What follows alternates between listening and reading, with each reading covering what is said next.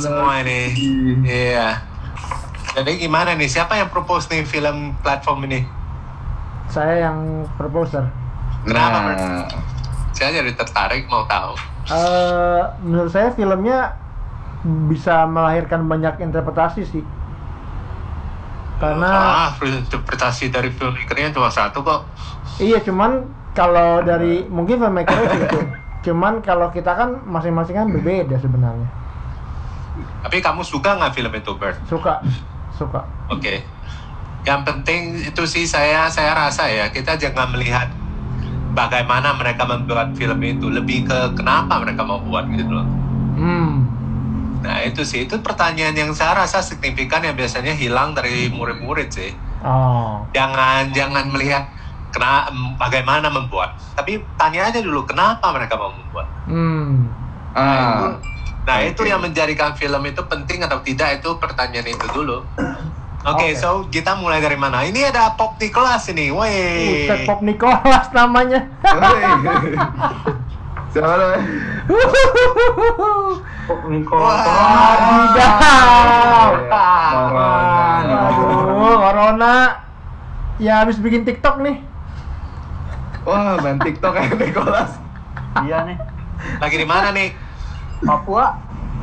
Wah, asik dong. Aduh. Papua masih aman nggak sih? Atau udah mulai tuh? Kayaknya udah mulai juga ya. Su- Sudah ada yang kena kok. Hmm. Tapi belum ada yang meninggal nih kayak. Kalau ada Papua satu yang meninggal di tempat gua. Ah, tempat lu lagi. Anjir. Serius di tempat lo? Iya seriusan. Beda beda berapa ratus meter doang. Anjir. Wedeo. Wedeo. San-san aja lagi dia. Jadi lu harus di ke di dikurung dulu dong 12 hari dong. Lihat gimana dulu dong. Iya nih, 14. Ya 14 hari kan. Ntar Ya, saya, Karantina ya. ntar saya karantina di Kuningan aja lah di situ tuh di kamar. Ayo, ayo aja.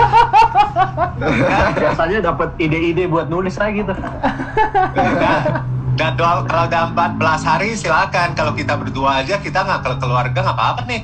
Oke. Benar gak? Benar. Nah ini Benar. diajak balik saya bilang, eh mending nggak usah nih. Kalian mungkin nggak dapat, tapi saya dapat nggak dapat saya nggak yakin nih. Betul. Apa? Nah, maksudnya corona kan? Iya, Karena corona. misalnya Oh. masih muda, kalau kena kita nggak akan tahu. Iya. Itu yang Kadang bahaya. bisa sembuh sendiri loh. Betul. Iya yang ya kalau masih masih muda sih kayak gitu ya. Albert sensitif banget. Gue udah duga tuh, gue udah duga nih kalau ngomong gitu tuh. Ayo kita mulai kali ya. Ayo mulai no. Habis ro- rokoknya habis. Ayo, ayo, ayo. Lo rokok banyak, lo udah stok. Wih,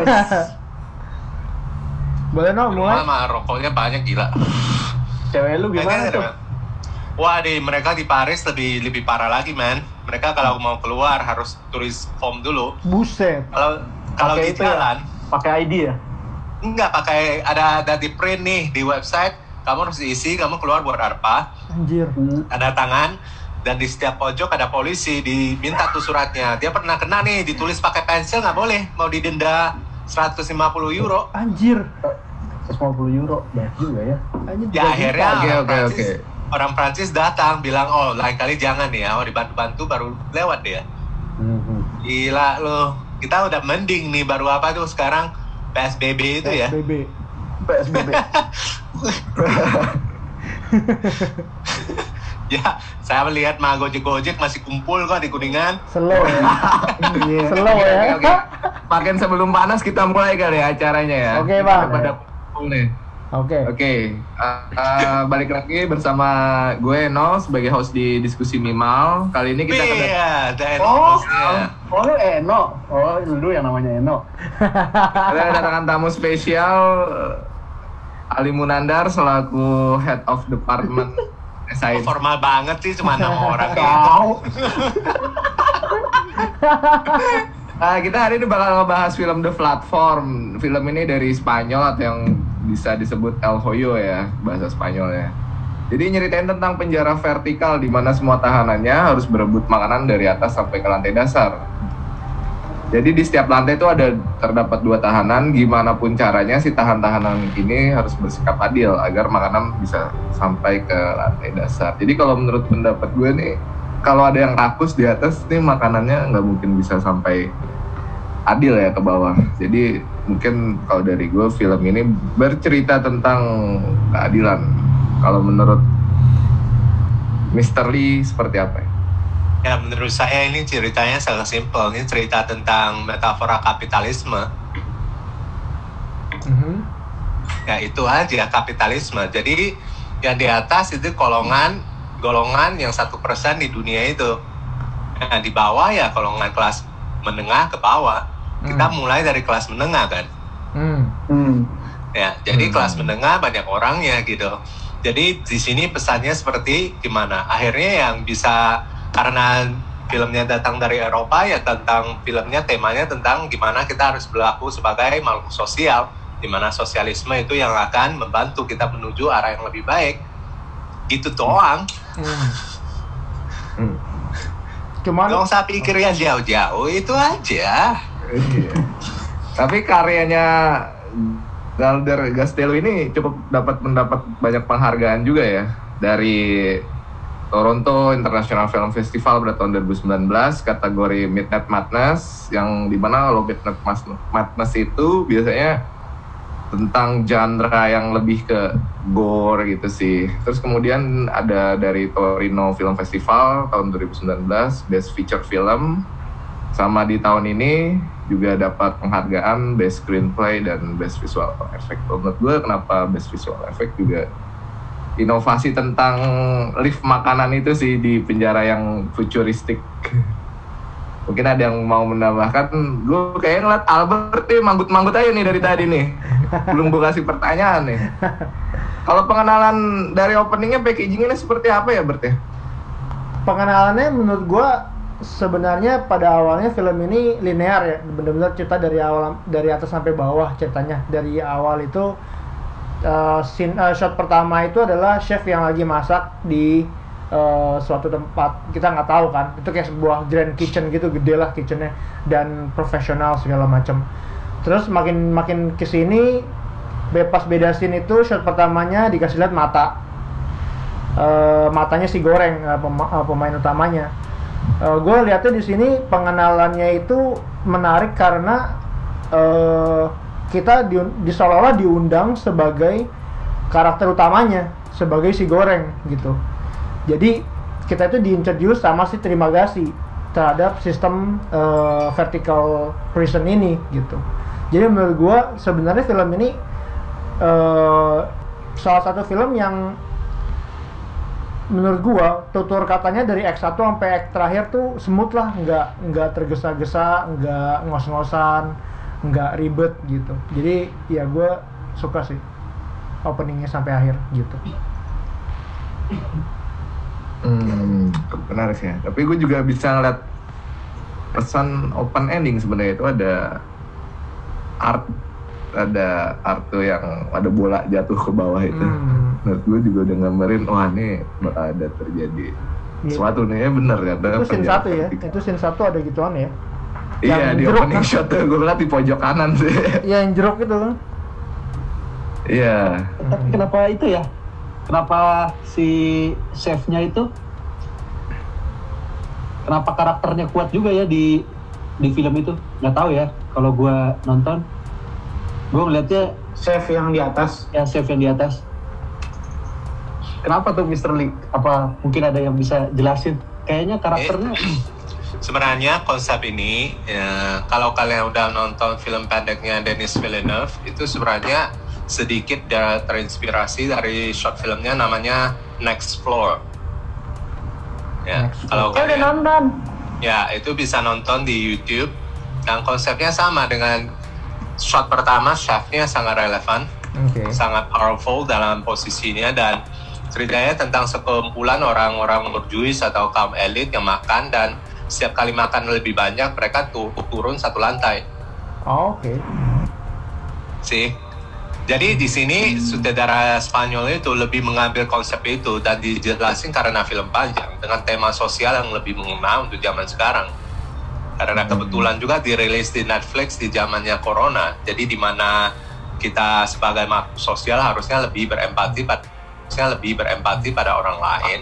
Jadi maksudnya jadi ngetrend sekarang. Hmm. Hmm. Nah itu. Timingnya Itu pas. doang. Timingnya pas ya. Iya iya iya. Sebenarnya Iya. sebenarnya kalau film tersebut tanpa tanpa menonjolkan karakter chef yang galak itu sebenarnya masih bisa jalan sih kalau menurut gue cuman makanya mungkin Karena kita udah tahu dari dari sisi narasi dalam script writing, babak pertama selalu itu pengenalan karakter dan chef itu merupakan simbolisme dari seorang yang men-serve satu persen dunia ini. Jadi dia harus terkesan dengan perfeksionis dan OCD-nya untuk menjelaskan bahwa orang-orang yang membedakan di kalangan atas dan di bawah itu apa. Di bawah kita melihat wujud mereka itu sebagai binatang Hmm. dan mereka itu dengan pandai kan narasinya mempermainkan kita dengan itu dari saya, saya bilang ini film ini well made ya sangat well made ya dengan konsepnya dengan premisnya dan itu sangat mengena dan dia tidak berusaha untuk pretentious dengan tema yang sangat dalam atau apa tidak dia hanya menganjurkan sebuah pesan bahwa dunia ini hanya bisa bergerak kalau kita itu semua mulai dari diri sendiri Hmm. ya kalau semuanya Iya, iya. memikirkan memikirkan diri sendiri ya dunia ini hancur seperti lantai di bawah Iya iya iya iya. iya.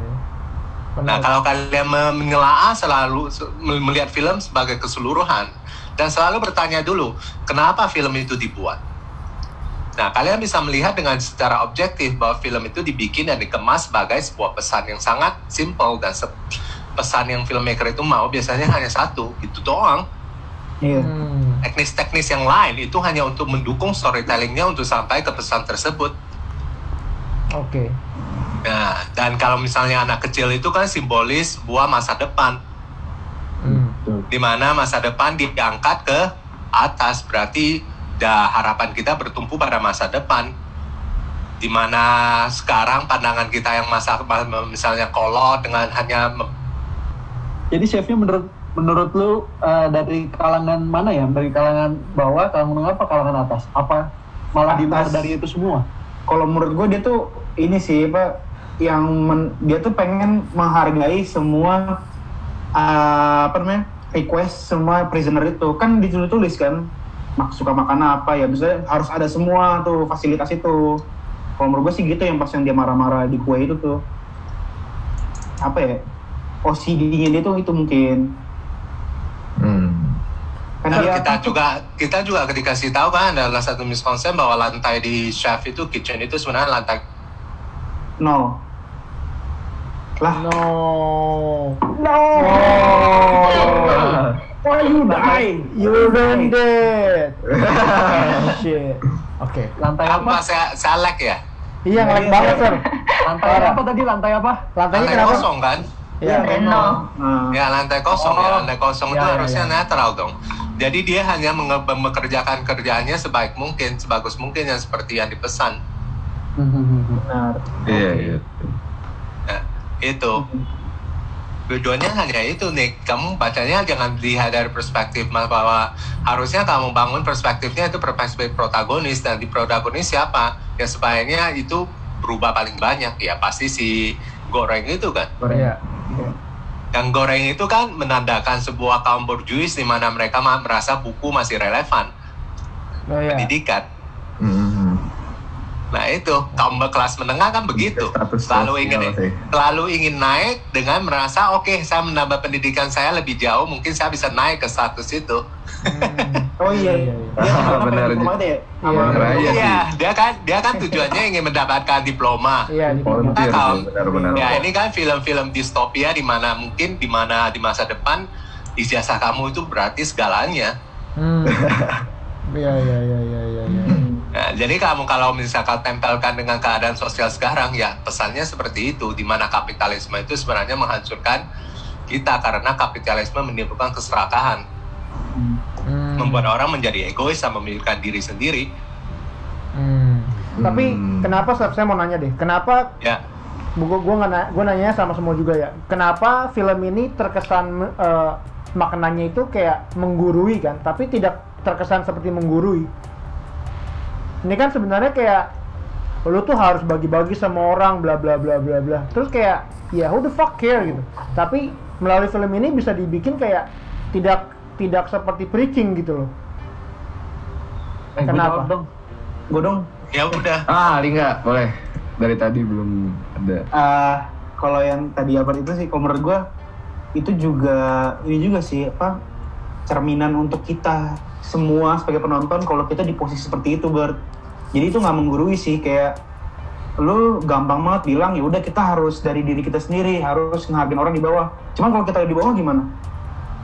Dan kita sekarang dikasih kesempatan ke atas. Itu sih menurut gue kayak jadi nggak bisa itu kesannya filmnya nggak menggurui sih kalau gue kesannya udah kayak gitu kalau kita di posisi di bawah cuma pas kita dapet kesempatan di atas emang kita mau ngalah gitu loh tapi kalau menurut gua Hmm. emang karena emang itu dia makanya. Ka- karena kita udah pernah di bawah kan makanya ketika kita ketika kita mau di atas harusnya kita kayak ya masa bodoh dong. Ini eh, iya makanya itu. bulan-bulannya gua harusnya gua makan sebanyak-banyak mungkin dong. Karena gua Benar. nggak akan tahu. Nah Itu berarti bisa- bisa jadi gue 330 nih nanti nih gitu Iya, kan? Itu berarti pribadi lu yang jelek. bukan menggurui nggak sih kalau itu? Makanya itu pribadi. Makanya gue itu kan, makanya itu nggak itu nggak Kalau menggurui nonton- film ya Kalau itu kan tergantung orang yang nonton juga. Kalau yang orang nonton yang serakah pasti mikirnya gitu. Kalau orang yang mikirnya Iya. dengan kasihnya Yesus pasti dia mengubah.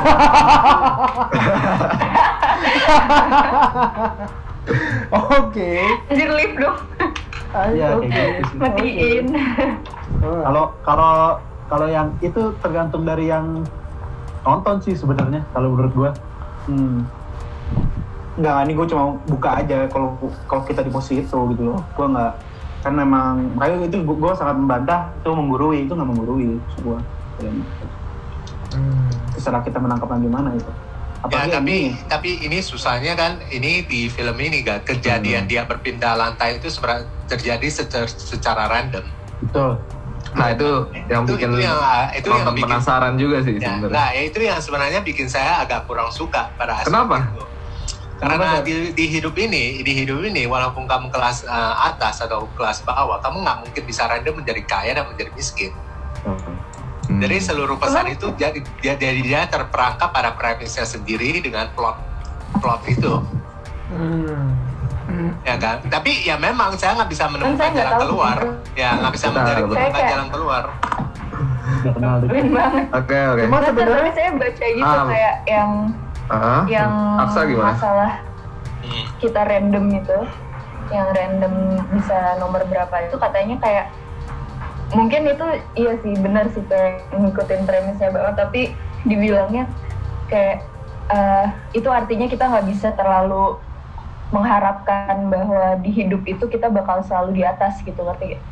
jadi kayak bisa aja besok tiba-tiba rumah rumah saya kebakaran amit-amit terus saya jadi bangkrut gitu misalnya mungkin mungkin naroknya kayak gitu gak sih Ya bisa, bisa. Tapi karena ini kejadiannya kan seminggu ya. Dan kalau misalnya kita memikirkan dari aspek itu Bulan. berarti enam eh, bulan ya. kan sebulan Sebulan. eh sebulan Tapi setiap setiap Iya, bulan sebulan. Bulan. Setiap bulan. Bulan. Kayaknya setiap bulan kan. Iya, Bulan. setiap bulan. Jadi jadi Hmm. kalau misalnya dipikir dari aspek itu harusnya eh, jadi masuk akal. Jadi orang kaya harusnya kalau misalnya dia pasti mau me- menjadi semakin kaya untuk melindungi diri sendiri untuk nggak sampai ke kejadian seperti itu. Tapi di sana walaupun kamu di lantai atas itu kan nggak peduli. Yang penting kamu bisa turun. Jadi kamu tidak ada dari sebuah kebebasan berpilih yang membuat kamu bisa bertahan. Hmm. Dan kamu juga nggak punya pilihan. dan juga ada rules yang nggak boleh ngambil Iya sih. makanan itu kan iya sih jadi nggak boleh nimbun kan makanannya Ah, Dia iya. nggak bisa nimbun. iya Tuh.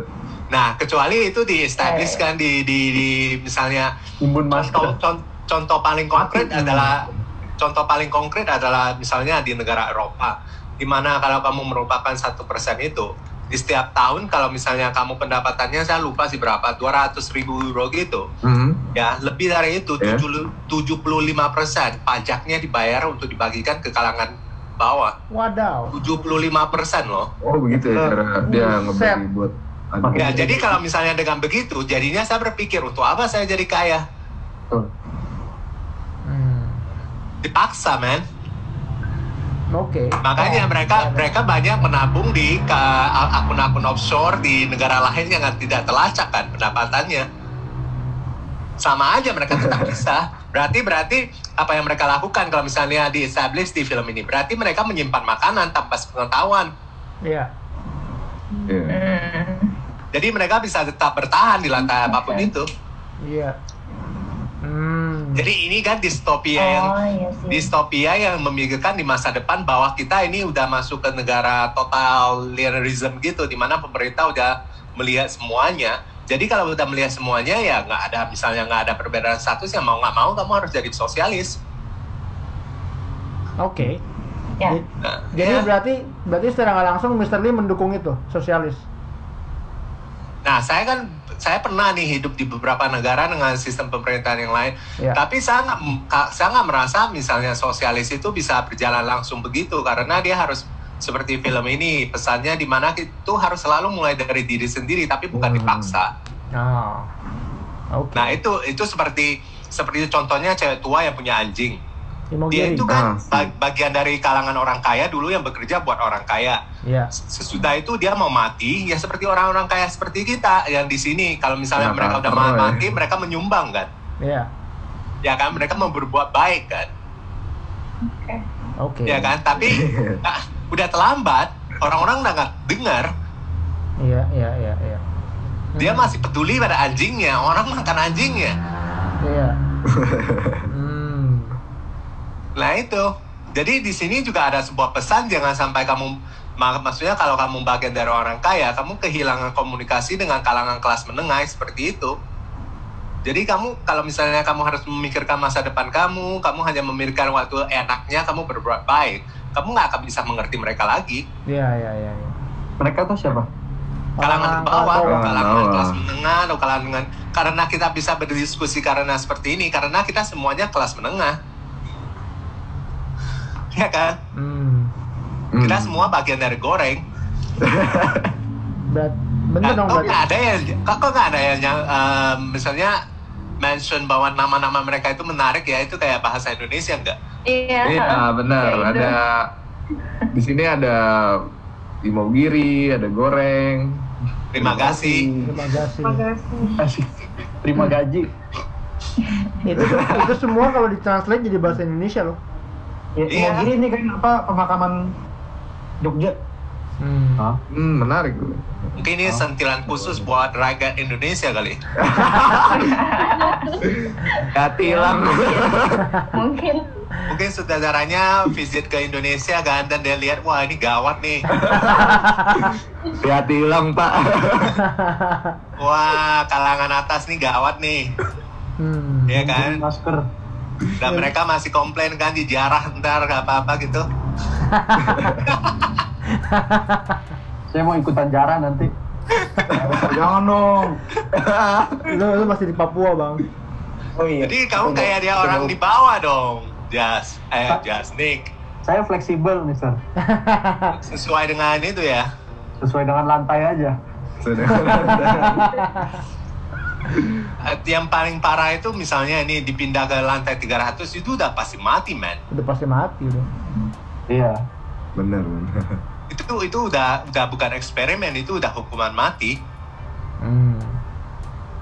Ya kan satu-satunya cara hidup ya makan Daging. teman iya daging daging Makan temen temen lu ya? itu. Oke. Nah itu sih. Lu sama gue nih, lu lu gue makan nih. Nggak kebalik, nggak kebalik link. Nah, sekarang gue ada pertanyaan nih. Kalau misalnya kalian ada di posisinya si goreng, lu bakal bawa barang apa sih ke tempat penjara itu? Megan, Megan, sama Megan. Ah, oke, vegan boleh. apa ya mungkin senjata tajam kali Soalnya ada yang bawa papan surfing, ada yang Iya. Tongkat golf, tongkat biliar. ya apa aja itu bisa bikin survive sih kayak senjata tajam atau nggak kayak Hmm. apa namanya kayak balok atau apa gitu you never know kan di dalam situ ada siapa Ya, tapi saya rasa karena nggak dijelasin dengan dengan detail bukan, makanya mereka membawa buku. ada yang bawa buku ada yang bawa macam-macam Iya. kalau mereka tahu seperti itu ya pasti mereka nggak akan bawa buku dong. Nah ya itu dia justru kan simpelnya kan gitu. Ketika Iya. lu nggak tahu apa yang depan lu, apa yang akan lu bawa kan? Hmm. Iya nggak? Tapi dia Iya, malah malah lebih memilih buku. Kalau menurut lu gimana tuh Bert? Kalau lu di posisinya si goreng, lu bakal bawa apa nih? Gua gua akan ngebawa ya apa ya? Ya senjata tajam lah. Pasti semua. celurit, apa-apa, Cutter ya. pistol, Enggak sih kalau pistol. atau Tapi gua pisang jangan-jangan. gua gua tadi kepikiran juga sih apakah gua akan bawa alat masak ya? Biar bertahan hidup. Gua wah gila sih, gua bayangin makan daging manusia gila sih. Hmm. Kalau kayak- daging manusia digoreng emang darah darahnya gitu kan parah banget kalau digoreng ya masih matang gitu ini kayak Iya, makanya. Itu makanya dia makan daging goreng si kakek-kakek itu. Makanya nggak mau bawa handphone, Bert? hah Lu nggak mau bawa handphone? kalau Albert bawa ceweknya pasti. Didau emang bawa orang boleh bang ini nggak boleh bawa barang. Bert? Eh, itu bawa pet boleh pet? Bawa apa? Bawa hewan? dia kan orang dalam Orang dalam. iya kan dia bilang lu kan punya privilege kan lu gitu. Makanya lu milih gua gitu. Bawa handphone biar bisa order GoFood ya. oh, bener juga lu. Oke. Jualin aja tuh makanannya ya kan. oke itu Ya, semua pasti benda tajam gak sih? Udah nggak, udah Enggak gue, lu apa? Awan. gue bawa baju bawa baju apa Baju Iron apa? Man. Baju Iron Man. Gue bawa lightsaber sih. Kalau Lingga lu bawa apa nih? Kalau lu ber- Bisa bisa kabur pakai baju Iron Man. Gue bawa ini. Woi. Ih, jagoan banget lu emang. lu, tuh bener-bener 100% cerminannya Dwight tau gak lu Dwightnya di office tau gak lu persis banget parah Tahu tahu gue. tololnya so jagoannya bawa ini, bawa kopi yang botol tuh. Iya, yang kopi botol. eh, mending loh itu bisa dipecah jadi senjata juga loh wadidaw Bisa diminum, jadi Nah. senjata. ya, Bagus. double loh Kar udah ngomongin endingnya belum? belum Udah udah selesai. Tadi udah. Oh, Belum. belum masih masih Kita masih panjang. baru ini, masih tahap ya udah ya. packaging. Yeay. belum bahas cerita sinematografi Mm-mm, masih tahap packaging ini. Mungkin Kenapa Megan nih? ada yang mau nanya ke Mr. Lee. Atau Megan punya pendapat? Hmm, punya pendapat mungkin dari segi packagingnya. apa ya kalau kalau buat filmnya sendiri sih menarik sih soalnya apa namanya pas nonton kayak lihat gitu loh maksudnya struggle orang yang di bawah itu tuh sama yang di atas tuh sebenarnya mereka sama-sama punya struggle tapi struggle-nya tuh berbeda gitu loh. Iya gak sih? Kalau menurut gue sih gitu. Hmm. kalau yang atas lagunya apa? kalau yang atas tuh kayak apa namanya maksudnya di society sih lebih kayak gitu. Kalau misalnya yang di bawah itu kan mereka struggle-nya itu karena mereka harus bertahan hidup dan sedangkan orang-orang yang di atas itu tuh mereka lebih greedy gitu loh. Tapi kayak orang yang di atas itu mereka nggak bisa lihat ke orang yang di bawah gitu. Ya mereka nggak bisa rasain karena mereka nggak di bawah gitu. Kalau menurut gue. Hmm. oke. Hmm. jadi kayak lebih ke cerminan ke society gitu maksud lu ya? Betul. Oh. Kalau dari Aksa mungkin ada yang mau ditanya dari segi film packagingnya buat Mr. Saya masih nggak tahu kenapa mereka di situ. Hah? Emang nggak tahu sih ya.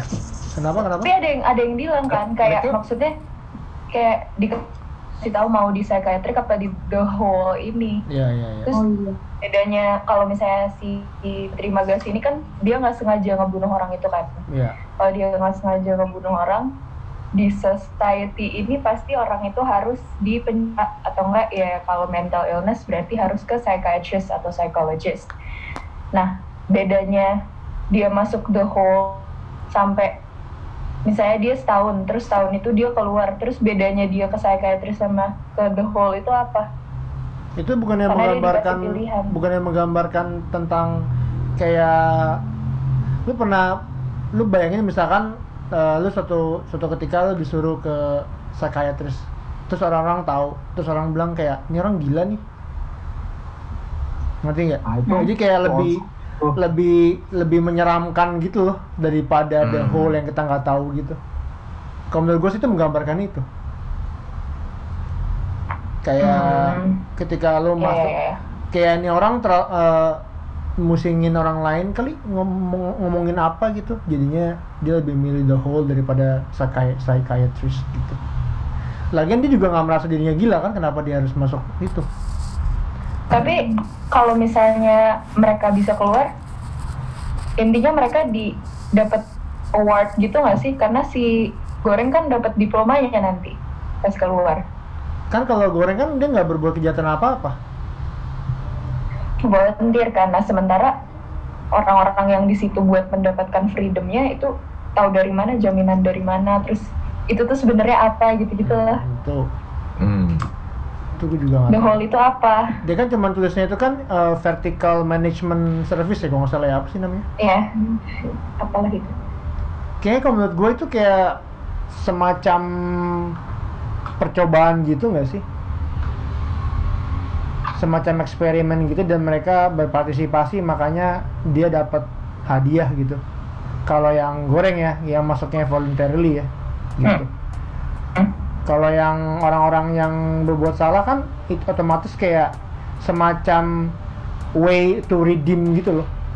Jadi ya mereka uh, berkenan jadi kunci percobaan gitu. Hmm, oke.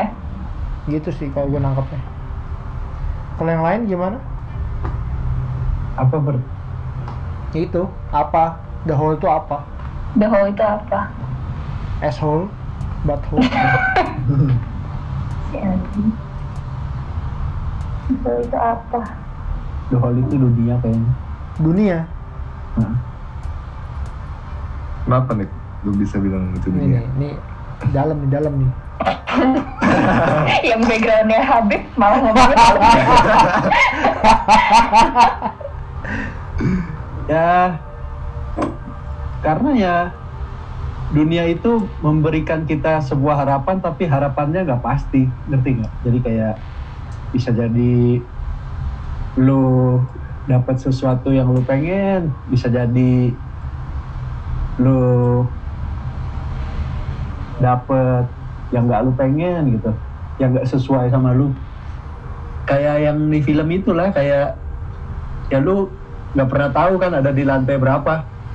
Kalau katanya semua tergantung perbuatan lu, itu juga belum tentu lu udah berbuat baik, lu bakal pindah ke lantai atas. iya Belum betul tentu. Nah, Nah, kayak gue bisa menggambarkan itu kayak dunia juga sih. Jadi ya, kalau lu berbuat baik, belum tentu lu bisa bener. ada di atas orang-orang. jadi what's the point lo berbuat baik dong Apa? Nah, what's the point lo berbuat baik? Ya karena hidup itu cuman sekali. Wanjay wanjay Ay, siap bang. Siap bang. Ya itu kan kalau hidup tergantung teladan lu. Kalau teladan lu orangnya jahat lu pasti bakal berbuat jahat. Oke. Beneran. Beneran Oke. itu. Itu itu tertanam itu bakal tertanam di kepala ya kayak kayak contoh anak pemulung. Anak pemulung nggak nggak bakalan bercita-cita jadi presiden. Kenapa? Kenapa? Begitu. lu jangan Ya, sotoy karena- lu jadi orang lu. Apa? Lu jangan sotoy jadi orang lu. Kan pemikiran gua.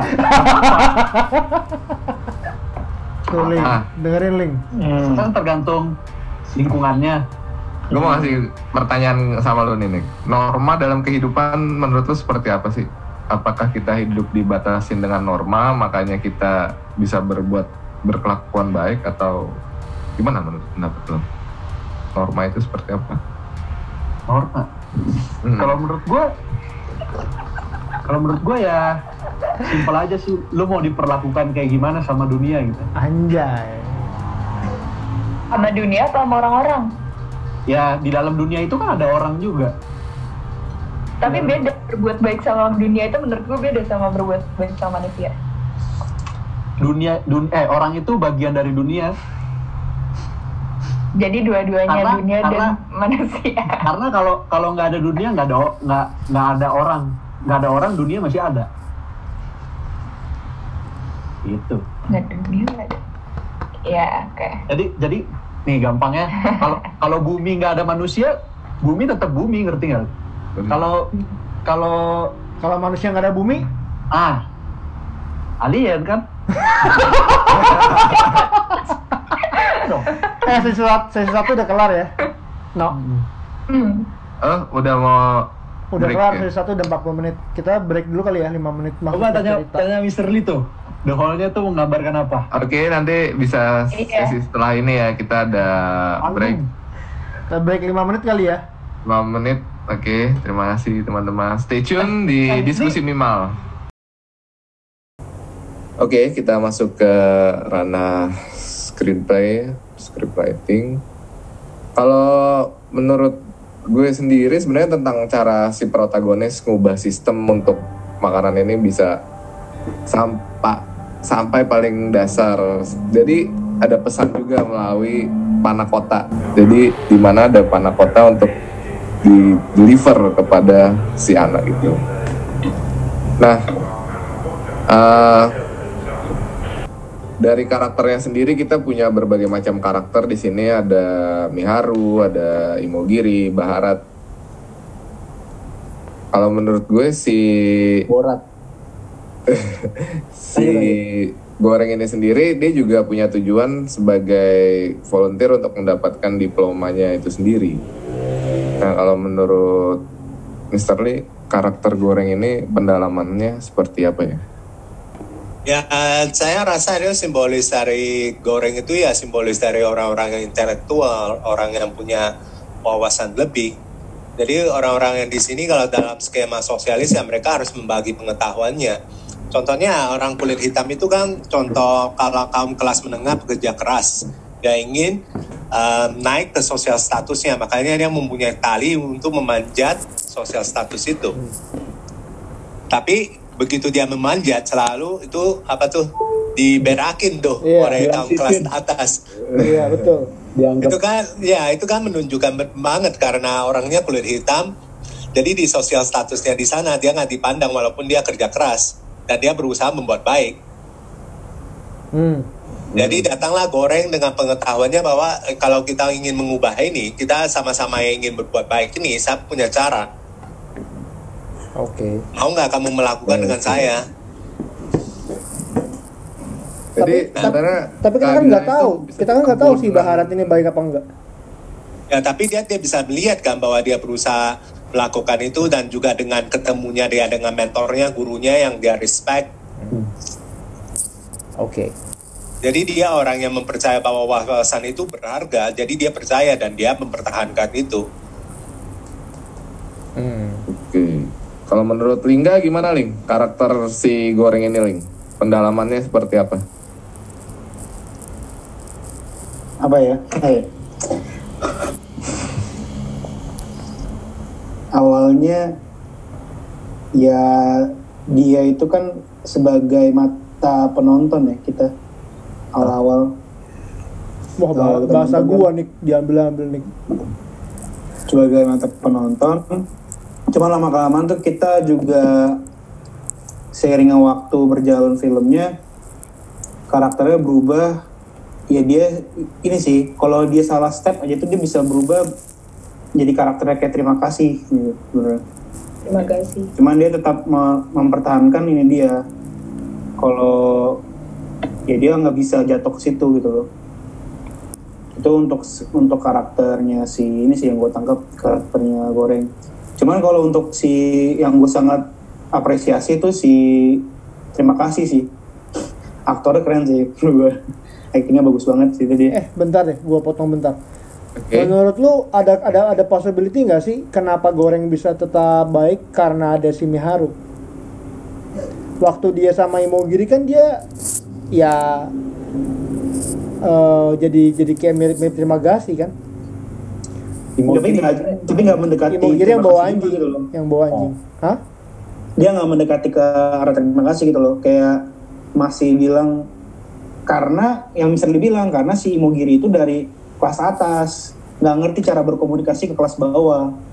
Dia cuma bilang nggak akan work kalau terima kasih itu udah ngomong dari awal lu ngapain ke atas? Ngapain lihat ke bawah? Udah.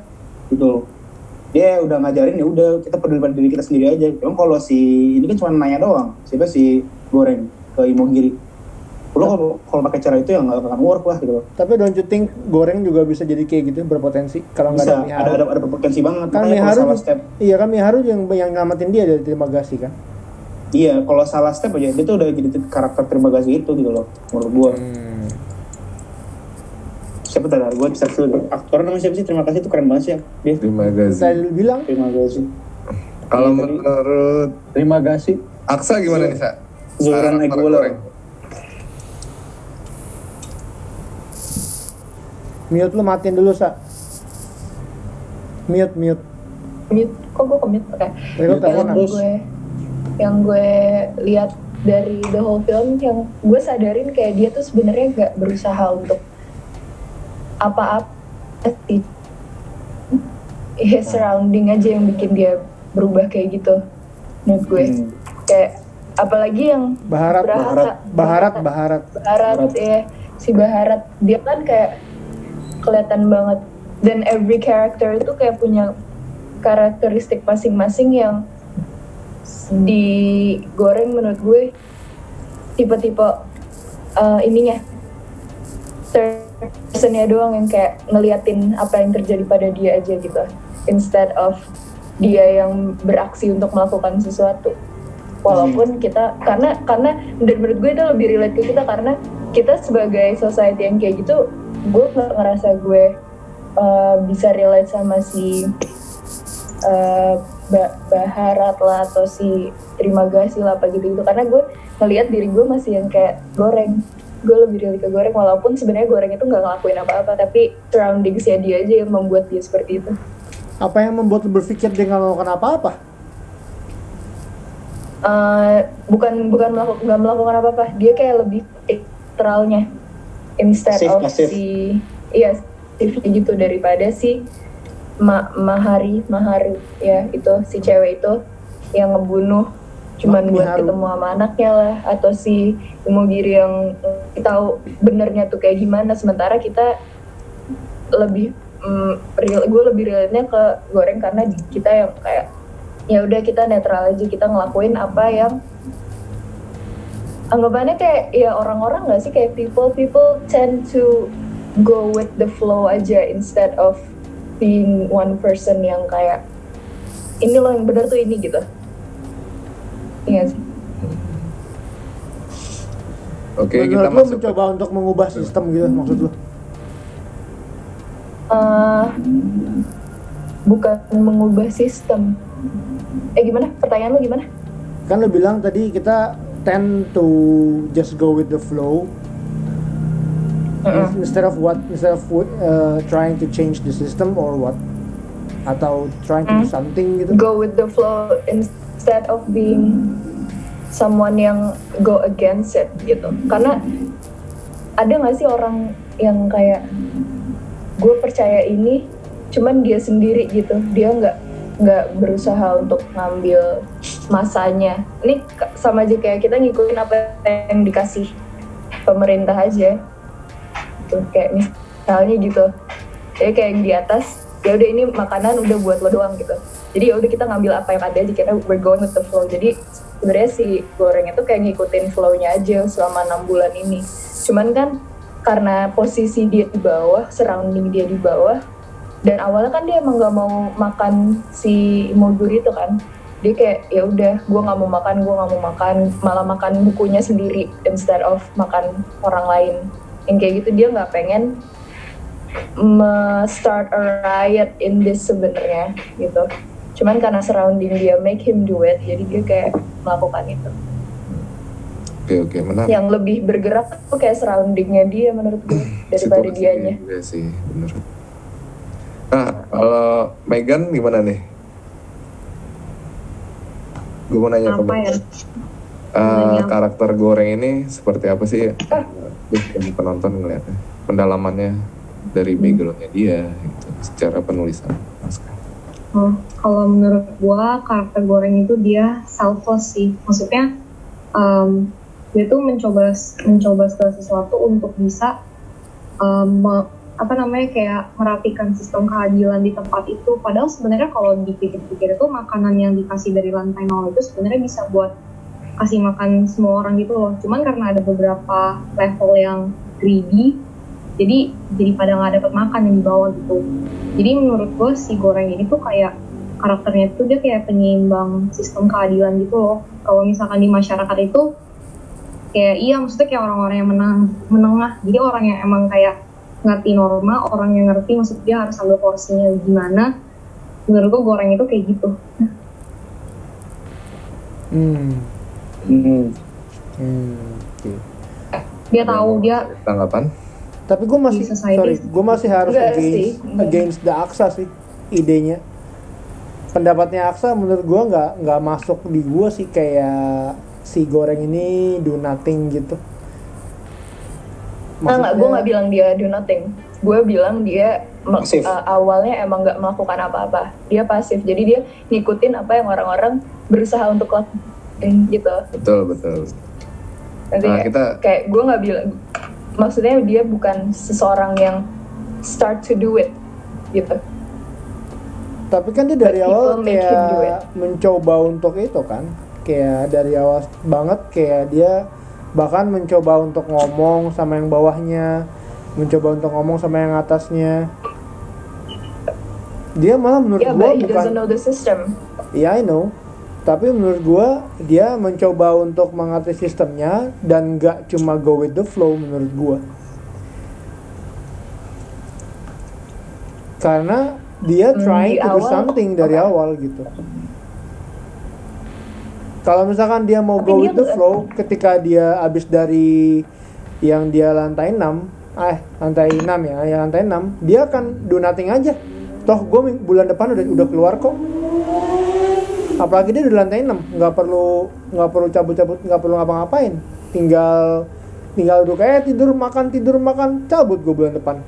Tapi karena dia bukan orang seperti itu dia mencoba untuk ya kayak tadi si Megan bilang mungkin menyeimbangkan sistem mencoba untuk do something for the society. Makanya dia kayak gitu. Kan dia cuma cuma cu- cukup nunggu sebulan doang dan dia udah di lantai 6 gitu. Yang pasti dapat makanan kan? Hmm.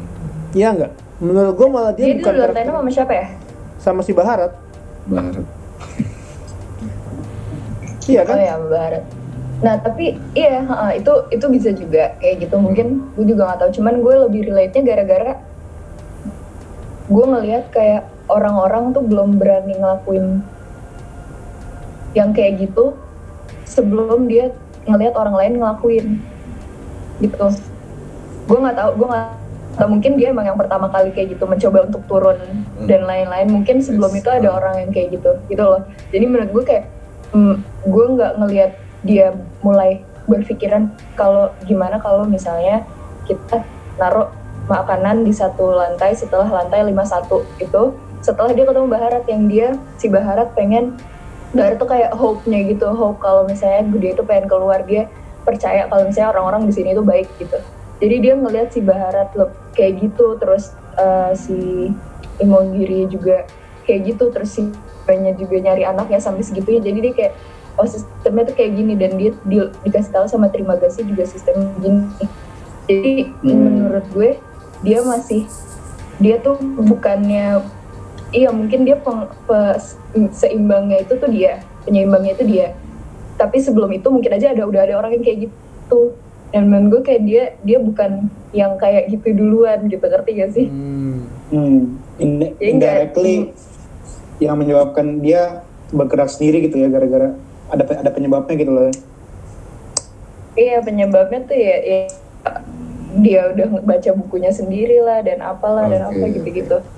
Oke, kita mau masuk ke karakter kedua ya. Di sini ada Bapak Terima Gazi. Dia punya tujuan juga untuk survive sebenarnya, karena kan dia dua bulan lagi bakal keluar kan yang di dia Hmm. pikir. Iya. Terus juga di masa lalunya dia, dia juga pernah lempar TV keluar jendela. Dia sempat ada di dialognya dia ke goreng waktu di awal-awal. nama karakter ini juga berperan penting nih untuk bang- memperkenalkan kondisi di penjara vertikal itu. Nah kalau menurut Mr. Lee, Bapak terima gas ini sosok karakter yang seperti apa ya dalam pendalamannya? ya seperti kebanyakan orang-orang lah berpikir teman diri sendiri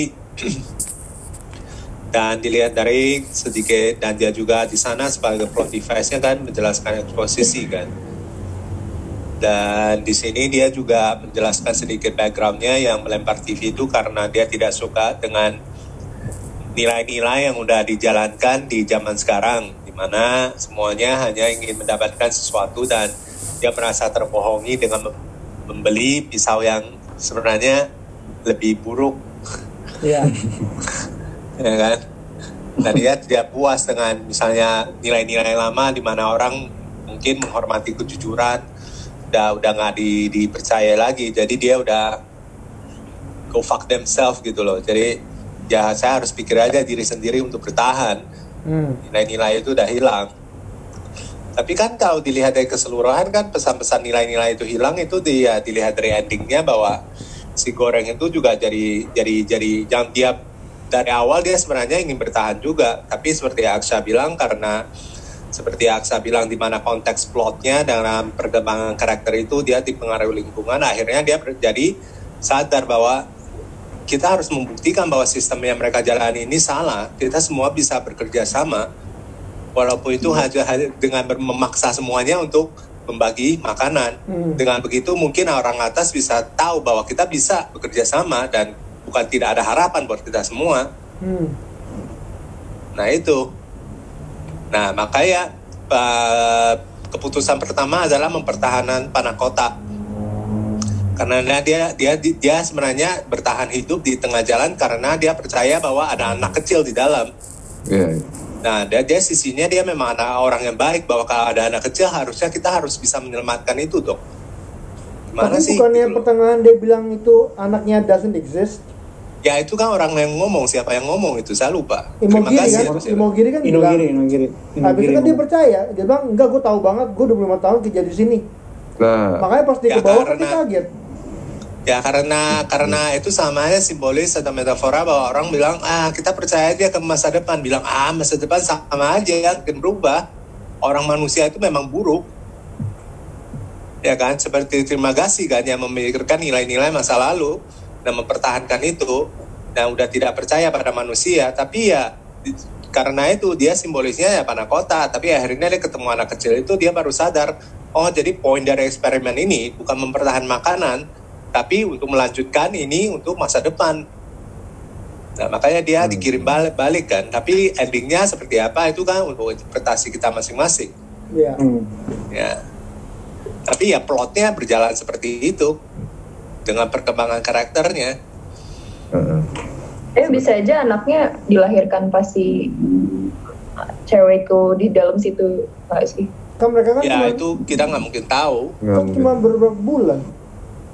Dan juga gimana anaknya bisa bertahan kita juga nggak mungkin tahu. Terus anaknya anaknya udah gede pak. Iya, gimana dia bisa bertahan saya aja penasaran. Iya sih. Bener-bener. Nah itu kan beberapa plot holes yang udah lah, udah nggak usah kita bicarakan. Iya. Kita Itu itu kita oke nggak lah. Itu tahu. oke. Ya udah Oke. lah, nggak usah didiskusikan itu. Jadi sebenarnya endingnya itu si menurut Mr. Lee endingnya si goreng mati nggak? Nah, itu dia. Karena endingnya menurut gue juga interpretasi penonton lagi sih balik. Makanya menurut Mr. Lee gimana endingnya? Ya kalau dilihat dari cara mungkin eh, sinematografinya atau apa yang bawah udah ke bawah itu gelap Uh-uh. semua ya saya asumsinya dia bakalan mati sih. Tapi dia berkorban kan, dia tidak memikirkan diri sendiri demi masa depan dan itu saya rasa pesan yang ingin diinput oleh filmmaker itu sendiri. Kita udah bukan saatnya kita memikirkan diri sendiri tapi memikirkan masa depan. Kalau menurut Megan gimana Gan? Karakter Bapak terima kasih kan dalam memperkenalkan situasi penjara. Hmm, kalau si terima kasih tuh dia apa namanya? Dia sebenarnya tuh nggak selfish, cuman emang itu natur manusia nggak sih untuk bertahan hidup. Maksudnya kayak Iya. apa namanya? Dia kan dia kan ada di sini waktu itu ada kayak pas Ah. dia mencoba untuk makan si siapa goreng itu kan terus Hmm. menurut gue itu dia itu sebenarnya bukan selfish tapi emang itu natur manusia di saat dia emang lagi terjepit keadaannya gitu jadi kalau menurut gue sih Hmm. ya manusia emang begitu gitu loh kalau misalkan ada keadaan yang terjepit dan emang dia merasa wah gue udah gak bakal bisa bertahan nih kayak gini dia mungkin ya bisa aja kayak makanya kita sering dengar kayak cerita misalnya kayak Iya. temen terus backstabbing temennya sendiri gitu nah, menurut gue tuh kayak gitu. Terus Dan Tinggal dia, mau dia menanggapi juga, Ling? dia gue setuju sama Megan banget sih dan dia tuh juga gak berusaha ngebunuh si goreng loh padahal cuman eh, gitu ya. iya cuman Iya, beras cuman buat itu doang makan gitu loh maksudnya Iya, dan, dan dia udah janji dan dia bilang dia akan ngurusin si goreng kan. Kalau udah lu diem aja biar gue ngurusin gitu. Kita tunggu beberapa bulan nanti apa gitu. Siapa tahu kita dapat yang terbaik. Karena dia tahu dia tuh udah tua dan dia fix kalau misalnya si goreng jadi gila, fix dia mati gitu loh. Menurut gue sih- jadi Hmm. itu responnya dia pas dia takut kalau menurut gue Nah di cerita ini kan tiba-tiba muncul Miharu nih. Miharu kan pas begitu karakter ini muncul kan kelihatannya serem ya udah digambarin kayak ini kanibal nih karakternya. Itu sebuah surprise gak sih dalam karakternya itu kayak anjir nih siapa lagi nih. Ada yang ngedrive buat tonton itu terus ya situasi apa lagi nih yang didapat si goreng gitu. Mungkin Albert mau nanggepin si Miharu itu seperti apa? Gue mau nanya ke Nicholas sih, menurut Nicholas gimana nih Haru? Nicholas belum ngomong dari tadi dia. Unmute dulu bang, unmute. salah salah salah Anjing. Miharu Miharu sih kayaknya kalau menurut gua Miharu itu bisa jadi batu sandungan, bisa jadi bisa jadi support buat si goreng karena yang gua lihat kalau dari filmnya si Miharu ini menggambarkan kalau manusia pasti akan berkorban sesuatu untuk apa pun yang dia sukai atau yang menurut dia benar. Jadi si Miharu ini kan digambarkannya sadis ya. Ini ada suaranya nggak sih? Ada. Kayak jadi kayak jadi soalnya. Ada ada. Jadi si si Miharu ini sampai mana ya? sadis, sadis. Miharu sadis. Sadis ya, sadis. si Miharu kan Menggambarkan digambarinnya tuh kayak sadis. Tapi Miharu ini punya tujuannya yang mulia gitu, mau cari anaknya. Mm-mm. Karena dia merasa bertanggung jawab dengan anaknya.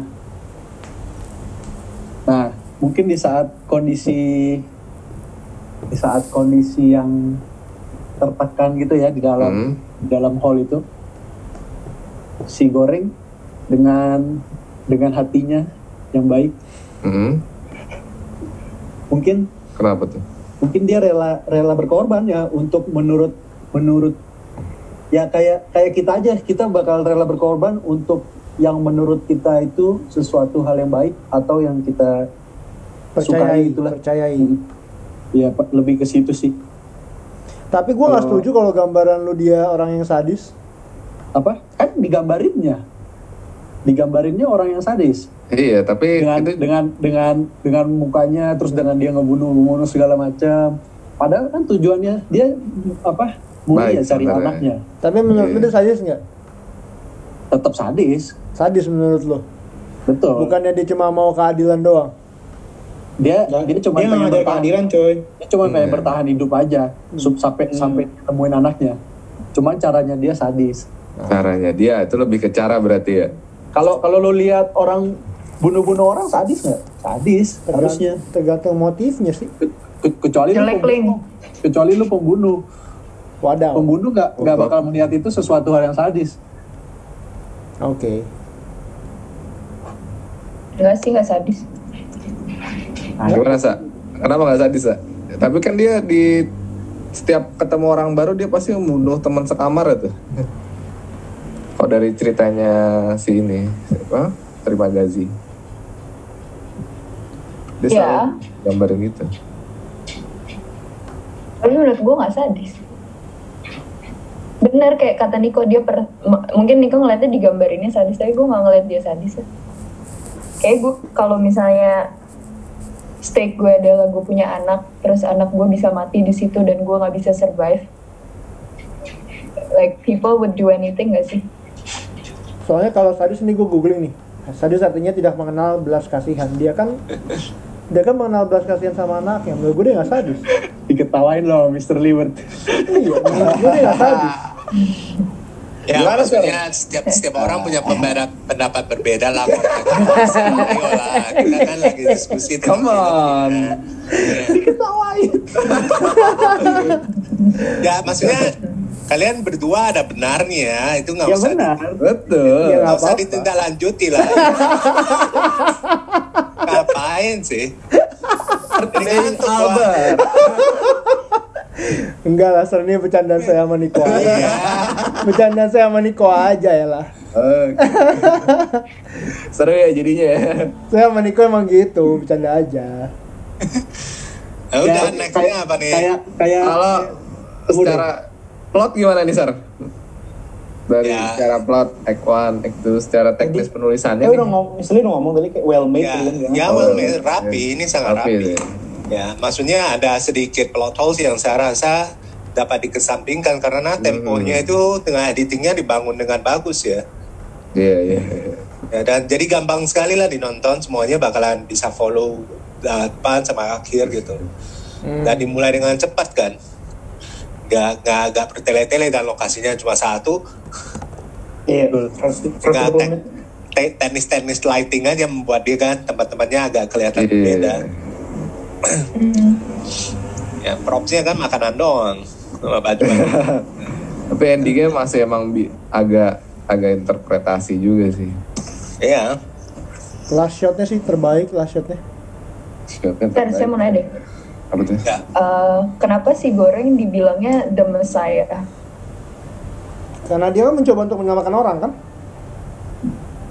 Kayak sarkasme saya gitu menurut gue. bukannya leader of Avenger Menurut gue dia itu Messiah tuh sarkasme gitu. Iya nggak sih? Jadi jadi kenapa? oh iya apa ber Messiah itu dia dipanggil Messiah karena itu sarkasme aja. Karena dia mencoba untuk menyelamatkan semua orang kan, betul. berkorban untuk orang lain gitu. Orang lain situ kayak mana ada yang peduli. Yang mereka pikirin kan perutnya doang sendiri. Ya, bisa. Bisa juga sih. Hmm. Me- Me- Messi juga dipanggil Messiah kok. ya kan? Tolong dong jangan, jangan diperpanjang dong. Aduh. itu fakta. Kadang dia jadi penyelamat, kadang dia jadi penyelamat juga. Betul betul betul. Sering lagi. Betul. Penyelamat penyelamat untuk timnya dia, untuk tim yang lain kan enggak. Nah, Ya, tapi dia dipanggil Messiah.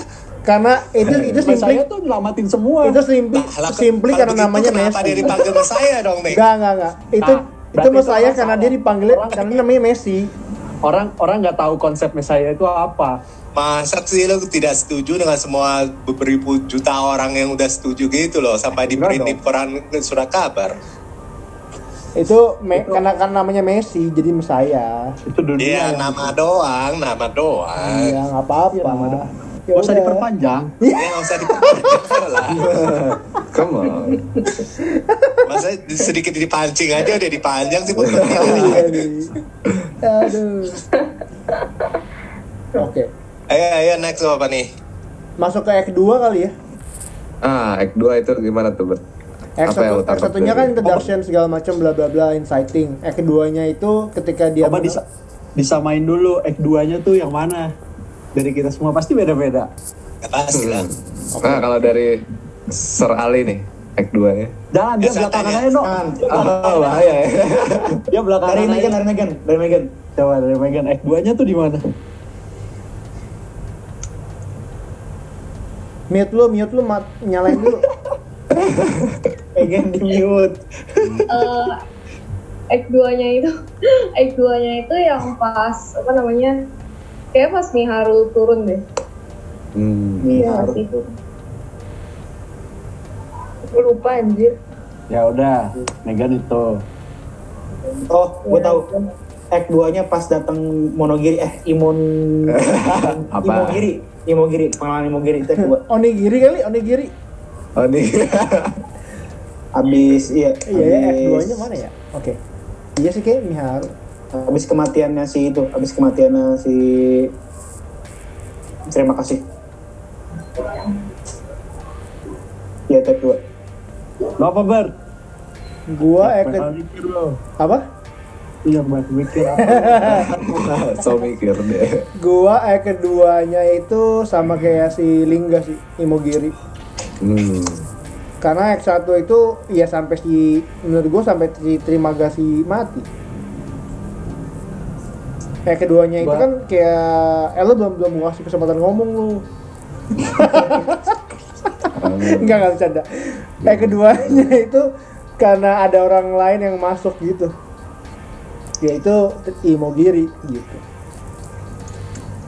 Dulu kalau lu nih Act kedua itu pada saat pada saat si goreng udah ngebunuh sam, si si kakek kakek kalau maksud gua itu Jadi abis baga- dia ngebunuh itu mulai act kedua Oh pas malamnya ya, lu tuh act 2 lu pas malamnya ya, abis ngebunuh kakak itu kan. Abis ngebunuh terima kasih kan. nah pokoknya setelah kejadian itu Hmm. Iya, itu kan Act 2 kan? Abis itu kan Imogiri kan? Abis Imogiri kalau abis malam itu Imogiri kalau gue pas Imogiri kayak act 2 tuh. enggak dong kan dia makan dulu Bukannya Iya, dia berhari. Iya sih. Oh, pas makannya udah udah Act 2 ya? Iya Iya. kalau Niko gitu ber abis ngebunuh itu act 2. Kalau Aksa, Pas dia bangun sama Imogiri sih. Iya, Imogiri. oke. Tiga vote. Lah, aku vote Lah. Kompetisi anjir, Lin. kalau lu no. Kalau gue act 2 nya gue pikir yang pas dia udah Si ketemu si Imogiri. kalau Mr. Lee, Nah, Sama, pas- Imoguri. hah? Imoguri. Imogiri. Imogiri ya? Iya, Imo, Imogiri. Imogiri. Onigiri. Karena di situ ada transisi juga sih cukup berasa di situ. Spot time. Terus eh, gue mau nanya dikit deh, bentar. Eh, soalnya kemarin gue sempat ngobrol sama Eno, Eno bilang eh, yang scene-nya Miharu sama Goreng menurut dia itu real. Menurut kalian tuh real nggak? enggak lah Real yang mana? Yang mana sih? Yang mana sih? Yang dia having, bercumbu having, bercumbu iya Oh, having yang- sex with. Miharu. Sempat berpikir itu itu mah pikiran lu aja Soalnya jadi lu mikirnya itu benar Kalau menurut gua enggak no. Kalau Mr. Lee, Gue enggak Ya, sih. enggak lah, dan dia dari cara dia jelasin editing udah nggak mungkin benar. aduh Gitu tuh Bert.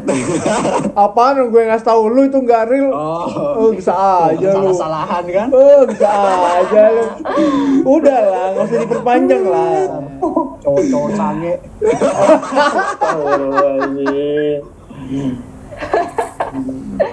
Enggak gue. Terus eh, yang jadi unik juga setelah Act 2 perbedaan karakternya si Goreng berasa banget Dinda dari awalnya apa namanya eh, nge-treat bawahnya tuh baik-baik segala macam terus ketika ada Ya. Imogiri dia kayak langsung jadi orang yang eh gue tahu nih gitu kayak dia Iya, langsung iya. berasa no better than Imogiri gitu gue mikirnya ada perubahan gitu Dia kayak itu kan. eh, dia terima gasinya terus si Imogiri. Iya, jadi gue juga gue berasa kayak switch gitu, ada role switch. Menarik sih. Sebenarnya pas si ini turun si goreng sama si Bahara turun kan ada satu karakter lagi tuh yang wise banget tuh orangnya. Dia ngasih pesan panakota gak sih sebenarnya panakotanya Hmm. Iya, dari situ Betul, pesan. betul. Dari senior itu kan. Nah, Dia senior ngomong apa ya? Gue juga lupa. Kalau lu mau ngasih pesan nggak kayak gitu caranya gitu kan. Iya. Lo kasih harus satu item yang ke atas oh, gitu. yang yang sangat beautiful, terus lu sampein lagi balikin, bayangin mukanya mereka gitu-gitu. Tapi ada metafor nggak sih di balik si panakota itu? Kayak kenapa panakota? ya itu anak kecil Hah? Kok iya, anak emang panakota hubungannya sama anak kecil apa? Karena anak kecil suka panah kota. Nyebelin banget. Sebenarnya apa-apa, nggak makanan apa-apa. kesukaan nggak sih? nggak apa-apa nggak apa-apa. Beberapa kan kan digambarin masing-masing orang nih, beda pendapatnya nih. Nggak apa-apa nih santai nih. Karena anak kecil karena anak kecil itu menjadi menjadi flow di film ini. Gimana ya? Jadi kayak ya yang mesti dibuktiin tuh emang bener-bener ada anak kecil ngerti nggak jadi se- serapi apa pun sistem Iya. ternyata masih ada kebobrokan yang masih bisa masukin anak kecil itu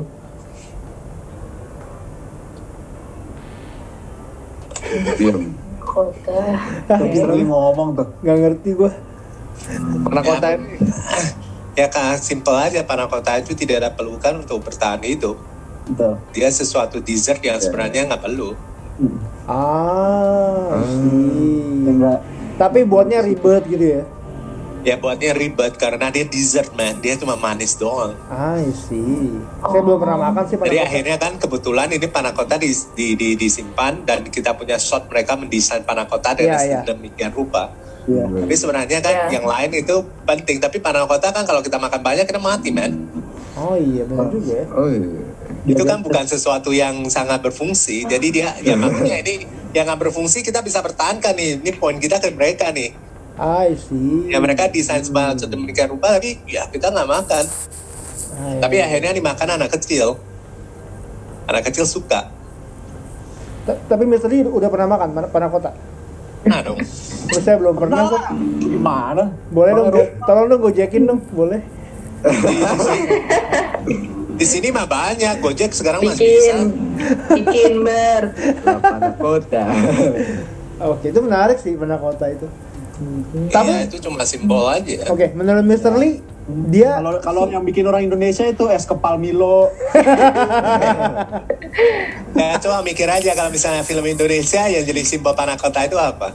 Coba. martabak martabak Martabak. martabak penting lah Martabak masih, martabak masih ada Martabak ininya, penting loh, martabak ada loh. flowernya. iya Tapi harus, harus satu dong, cuma satu bukan martabak kan banyak gitu. Harus satu yang bentuknya Um. cantik, oh ya yang dibikin dengan dengan sangat niat ada ya. sih nggak ada Indonesia kayaknya makanan kayak gitu Di Indonesia mah praktikal semua. iya yang Cucur, penting cucur. kenyang gitu Doger, eh, doger bisa sih. Cucur kue tete ah, kue itu namanya apa kue apem ada namanya itu Apa? Iya. tapi Mr. Lee saya mau nanya deh menurut Mr. Lee si goreng sama Baharat emang tahu lagi ngomong kalau anak kecil itu ada apakah dia benar-benar intentionally turun karena nyari itu enggak kan Enggak, mereka cuma mau membuktikan bahwa mereka semua bisa bertahan hidup. Hmm. Kan? Dan itu dia pelajari dari siapa? Dia, dia pelajari dari Mogiri kan yang berkorban dirinya. Iya, di- maksudnya eh, si Goreng kan mempelajari dari Mogiri di babak kedua bahwa nah, untuk bertahan hidup kamu nggak boleh mikirkan diri sendiri doang. Jadi dia bunuh diri untuk membuktikan itu kan. Iya. Dia udah gak ada harapan untuk hidup, ya dia bunuh diri buat dia bisa makan. hmm. Jadi se- se- semenjak itu dia jadi berpikir, oke saya bertahan tapi saya harus berubah ini. Kalau gitu kan cepat atau lambat saya mungkin minggu bulan depan mungkin saya mati sebelum ke lantai 6 itu.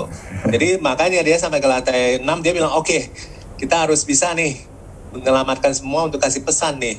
Hmm. Saya nggak mau melihat lagi nih ada orang mati, ada saya sudah mempunyai wawasan ini, saya bertanggung jawab untuk menyebarkan ke semua. Dan dia melihat Baharat yang punya niat yang sama untuk pergi kan, mungkin Hmm. kita bisa menyelamatkan mereka semua. Hmm. Terus Ini kenapa. Indiannya ada art. Indiannya kenapa kenapa Barat bunuh diri? Ah, dia bukan bunuh diri kan, dia dia kan Dia ditusuk, mati. kan.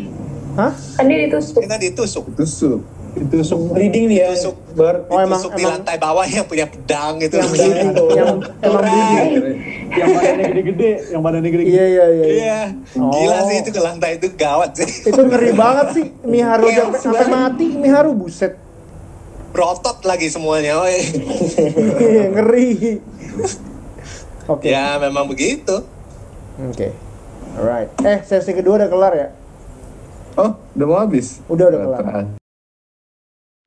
Nah, kita masuk tahap ke sinematografi di sesi ketiga ini. ininya nonton bot anjir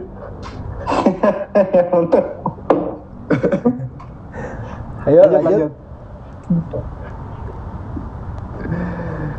Jadi di sesi sinematografi ini dengan DOP-nya John Dominguez dari segi framing dia pakai aspek rasio 235 banding 1. Kalau menurut gue sendiri kenapa dia pakai aspek rasio ini di mana dia untuk lebih mengisolasi penonton lagi sih supaya dapet tense-nya udah gitu kan di ruang penjara yang sempit tapi dia malah masukin framing yang lebih tight lagi. Kalau menurut lu gimana Nick? Kalau menurut gua, kalau menurut gua, kalau pengen bikin sempit malah gua bakal bikin satu banding satu. Gua bikin kotak. Kalau gua ya, Apa tuh kalau dari pendapat lu Nick? Sinematografi Bikin kotak. untuk mendeliver pesannya si sutradara ini gimana lu nanggepinnya? ya seperti seperti yang Mr. Lee bilang, filmnya well made. Jadi semua semua aspek semua aspek itu mendukung mendukung saling mendu- menopang satu sama lain sehingga Hmm. bisa menciptakan sinematografi yang mendukung lah istilahnya mendukung filmnya dan permainan permainan warnanya pun juga cukup menggambarkan situasinya sih menurut gue karena dari semua dari semua film itu yang paling berwarna cuman panah kotak sama anak kecil dah Tapi kalau satu banding satu itu sendiri kenapa? Alasannya apa? Kenapa? ya kalau Kenapa kalau lebih type menurut? iya kalau menurut gue lebih lebih penonton penonton itu penonton itu jarak pandangnya justru semakin dibatasi menurut gue kalau kalau kalau cuman as- aspek rasionya satu banding satu. Kalau karena ya lu cuman bisa lihat. Ya ibaratnya gini ya cuman di depan lo ya kiri kanan nggak bisa. Mesti tapi bukannya malah nanti karakternya nggak dapet gitu ya? Maksudnya situasinya nggak dapet, malah cuman jadi kayak terlalu close up.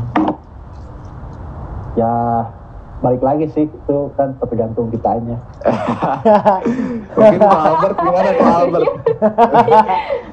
Kalau menurut gua karena Uh, 235 itu lebar justru iya 235 lebar. kalau menurut gua kalau lu lihat film Mad Max tuh dia pakai rasio 235 tuh Ini ngomong- itu kok- lu ngomongnya kasar sih? landscape-nya Kalau ngomongnya kasar sih, Ah. Mas Mas. Mad Max Enggak. tak lu sange Astagfirullah. Ah, mampus. Mampus, Robert, mampus. Eh santai dong. Nggak, kalau menurut gue 235 sebenarnya ya itu luas malah.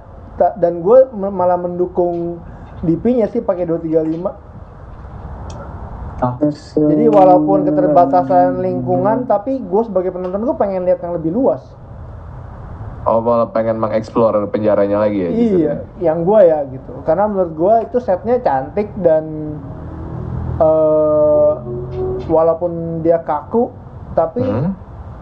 mendeliver cerita gitu. Makanya gue gue sih setuju Iya, 235 bukan satu banding satu kalau gue gitu. Mungkin hanya ke Bikin Lingga kali ya. dari Ling- 15. Lingga kan DP juga tuh. Iya, linknya Gimana, pipi. Ling? Mas Lingga, gimana Mas? Ini cuttingannya pakai apa ya nih? Ada intercutnya ada berapa ya? Oh iya, Eh, Ling- Lingga editor di sini. Sorry sorry. Link kok hilang sih? Ling, ayolah. Lu Maksudnya supervisor nih. seberapa berkontribusi kalau dari editing Ling? Langsung gue sikat aja Ling. Eh jangan di mute nah. Ngomong Ling. Seberapa berkontribusi dari editing Ling untuk membantu cerita si sutradara? Mana ya? Hei. jangan nangis Ah, yang bisa gue tangkep pacingnya sih. Jadi ba- dia bagus banget ngebangun pacingnya. Tuh, oh, lagi ngomongin orang orang toh juga linear kan, nggak neko-neko dia ngomongnya. Ya, Tapi banyak flashback juga kan dia. Hmm. Kan banyak Pacingnya. flashback juga. sempat ada beberapa yang imajinasi itu sih. Sama Yang flashback, kan. flashback juga ada yang sebelum yang dia bilang dia volunteer. Iya, yang dia ketemu Mogiri kan. Gue sebenarnya agak kurang nangkep pas dia imajinasi justru mungkin kalau dari segi editing eh, lu bisa ngejelasin nggak kenapa kok gue bisa nangkep itu kayak real gitu. Hmm, eh, gini loh, maksudnya Mr. Tapi ternyata tadi- imajinasi yang pas dia ketemu Iya. diri yang maksudnya ada itu Otaknya obvious aja. jelas anima eh, animasi lagi eh apa itu halusinasi kayak gini loh kalau biasa biasa kan eh, banyak banget tuh secara editing tuh misalnya dia nih eh, ketemu dua karakter nih si goreng sama itu dia sama sebelum dia imajinasi sebelum Sama terima kasih segala kan Iya, dia iya. ditahan gitu kan Yes. cuttingan gini-gini segala macem eh terus diselamatin sama si cewek itu tuh terus dia mati terima kasihnya nah abis itu mulai tuh ada perbedaan tuh dari cuttingan mulai dia tuh kayak si Miharu ya. di- enggak ya pas Miharu udah cabut yang Heeh.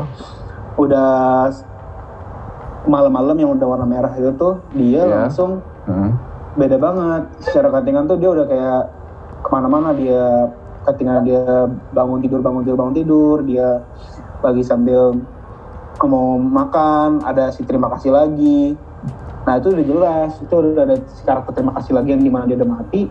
Terus tiba-tiba dia nge sama Miharu. Itu tuh udah nggak masuk udah udah nggak masuk kalau itu udah real gitu loh Atau dia masuknya imajinasi. Dia, udah imajinasi dia, dia maksudnya kalau dari editing, dia, kenapa bisa bikin penonton nih gue berinterpretasi itu kayak real maksudnya?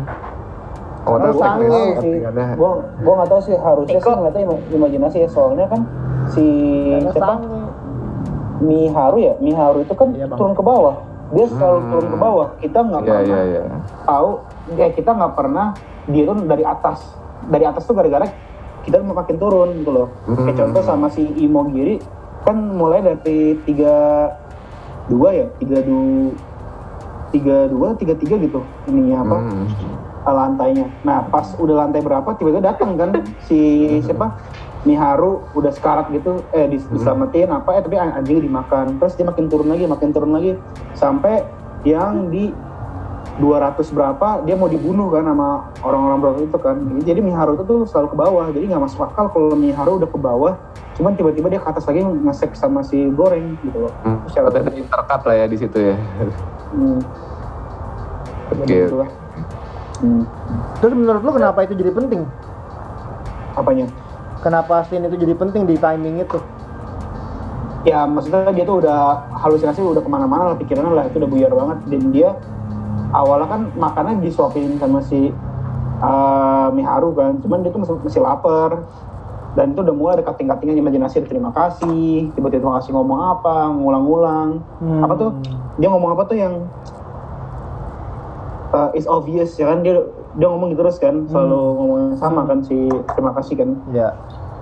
nah mulai itu dia ngerangkak makan belatung daging yang dari belatungnya si terima Iya. kasih itu nah Iya, jadi udah iya. mulai imajinasi Iya. dia ngesek sama Miharu gitu loh itu kan Iya. maksudnya udah masuk ke otaknya dia gitu loh jadi nggak ini Hmm, nggak perlu cari cut- cuttingan sih sebenarnya nggak perlu cuttingan Oke. kita ngikutin aja flow-nya itu juga udah kelihatan kalau itu Oh, berarti ngikutin Halusinasi, dari iya. pacing editingnya aja udah Hmm. Mm-mm. Jelasin itu imajinasi. Mm-mm. begitu aja sih Menarik sih. spesifik. Yes, yes. Ini kalau dari segi warna, ini kan ada dua konsep ya sebenarnya ada komplimen di mana menggabungkan menggabungkan warna panas dan warna dingin di mana kita di awal juga kita ngeliat ada warna tungsten ya untuk ngeliatin kemewahan dari si restorannya itu sendiri gitu. Ya. Tiba-tiba terus lu dimasukin warna dingin lagi gitu kan. Hmm, hmm. apa dibilang komplimen gitu kan. Masukin warna dingin dem. Di mana situasinya itu warnanya teal gitu biru. Cuman kita juga dikasih juga informasi neon untuk sebagai simbol sebenarnya. Kalau si liftnya itu berhenti neonnya itu warna merah gitu kan.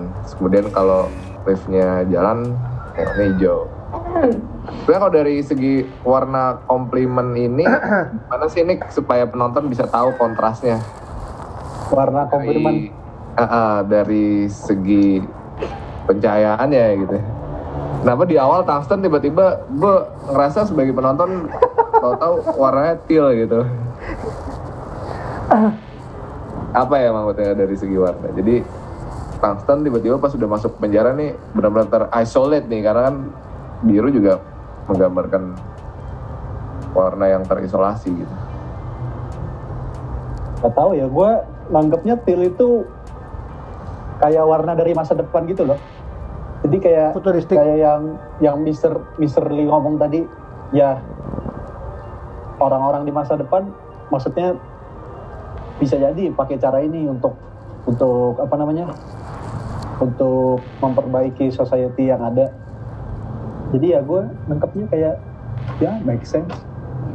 Selain terisolasi, terus ya warna-warna yang dipakai juga di situ cuman ada merah terus warna teal juga sama hijau ya? pink sama hijau iya hijau emang warna-warna yang mati ya? bikin orang gak nyaman aja Hmm. berada di dalam ruangan itu ataupun sebagai yang nonton hmm. makanya makanya shot panah kota itu di- dibikin secantik Iya. sedemikian rupa perfect mungkin ya iya Hmm. sama ya di bagian anak kecil itu pokoknya lebih berwarna kalau kalau kalian perhatiin mungkin ya kalau menurut gue sih nggak tahu ya film itu cantik, memang cantik sekali itu dan saya jadi terkesan saya hidup di dunia itu. Tapi kalau dibanding 1917 ser lebih prefer mana ser Kalau- Iya pasti Blade Runner dong, 1917 apaan tuh? tapi itu lebih realis loh 1917 Hah? Blade Runner Runner realis Sebenarnya begitu, saya melihat film dari peta pertama yang saya nilai setelah film terakhir adalah apa pesan film itu. oke Apakah itu membuat saya berpikir kah, membuat saya lebih baik kah, mempelajari sesuatu kah? Nah, kalau misalnya, ya udah saya mempelajari film ini dari film lain, berarti ya filmnya saya oke aja. Oke. Ya, tapi kan ada sesuatu yang baru kita selama lebih mungkin kita bisa mengapresiasi sisi mana. Tapi di film ini kan pasti ini ada beberapa hal untuk membuat film. Misalnya nih, kamu mau bikin film, nah kamu tahu nih nilai lebih kamu di mana? Apakah kamu punya sutradara nih yang punya pandangan yang kuat tentang pesannya? Nah itu berarti kamu kan Hmm. komplimen terhadap dia.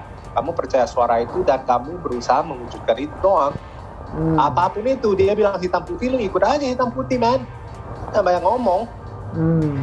nah itu doang Hmm. jadi kalau misalnya terkesan kalau filmnya udah jadi pesannya tersampaikan nah saya itu film bagus. Doang Albert Albert mau Albert, bantah Albert gimana Bert? Albert Apa? mau bantah Enggak, gue gua, gua setuju kok sinematografi Ah. yang bagus tuh justru yang nggak kelihatan. iya hitam doang maksudnya Itu menurut lu? kalau misalnya kalian mem- mem- membicarakan rasio mungkin film yang bisa didiskusikan juga misalnya Lighthouse tuh Wah, Ada- Hmm, Lighthouse. bisa banget tuh Lighthouse tapi Lighthouse Tuh, Niko nggak nonton, Sir. Niko? Soalnya hitam putih Nonton soalnya. tuh Niko. hitam putih tiga kan Ya, Nggak bakal nonton dia. dapat Sumpah, nominasi Oscar best Iya. cinematography. Itu sumpah Iya. pengaruh. Hitam putih Nah. tidak mempengaruhi filmnya sumpah. Tapi kalau kamu kamu coba lihat nih, kamu interview, kamu baca dan mungkin nonton interview dengan sinematografi. Selalu mereka ngomong diskusi dengan sutradara. Dan mereka selalu respect Betul. makanya. Nah, kalian kalau misalnya kalian DOP yang mempunyai cara sendiri itu biasanya kalian bekerja sama dengan sutradara yang nggak tahu mereka mau ngapain. itu doang. Gak ada Oh. lagi yang perlu didiskusi. Hmm. Kalau Karena kan kamu emang nonton, ya kecuali memang membantu sutradaranya menyampaikan pesan sih. Iya, makanya misalnya sutradara sendiri ngaku, oh saya nggak nggak mahir nih, bisa nggak ini yang saya mau sampaikan? Aduh. bisa Dan, dan ya menurut saya film ini ya sinematografinya simple dengan warna-warna yang sangat sangat di mata lu gitu loh, merah lah, biru lah, dan nggak ada nggak ada maksud khusus untuk memberikan apa. Merah ya bahaya gitu doang. betul Saya bacanya terlalu dalam, men. Iya, Karena iya. dia menjualnya betul. bukan ke sana. Iya, iya. Betul. cuma satu. betul. yang dia justru jual yang propsnya yang kenapa pakai one shot atau kenapa dia itu justru saya mem- memperlihatkan kemewahan makanan itu penting Hmm. nah makanya dia pakai itu kalau Lighthouse dia pakai 43 karena ada unsur dua orang di sana claustrophobic-nya harus terasa apalagi mereka terkurung di Iya. pulau Benar benar. doang. Nah, lanjut. Nah, Udah habis. Bert, gak, gak habis. mau nanggepin Bert? Itu yang eh, boleh bahas BTS yang tadi gue kirim ke lu, no? Sin malam. BTS, Yang mana? BTS-nya The Platform. Oh, ada BTS ya. Mungkin bisa dikirim ke chat nanti kita akan search. No, no, no, lu, lu share screen aja. Kan udah gue kirim ke lu.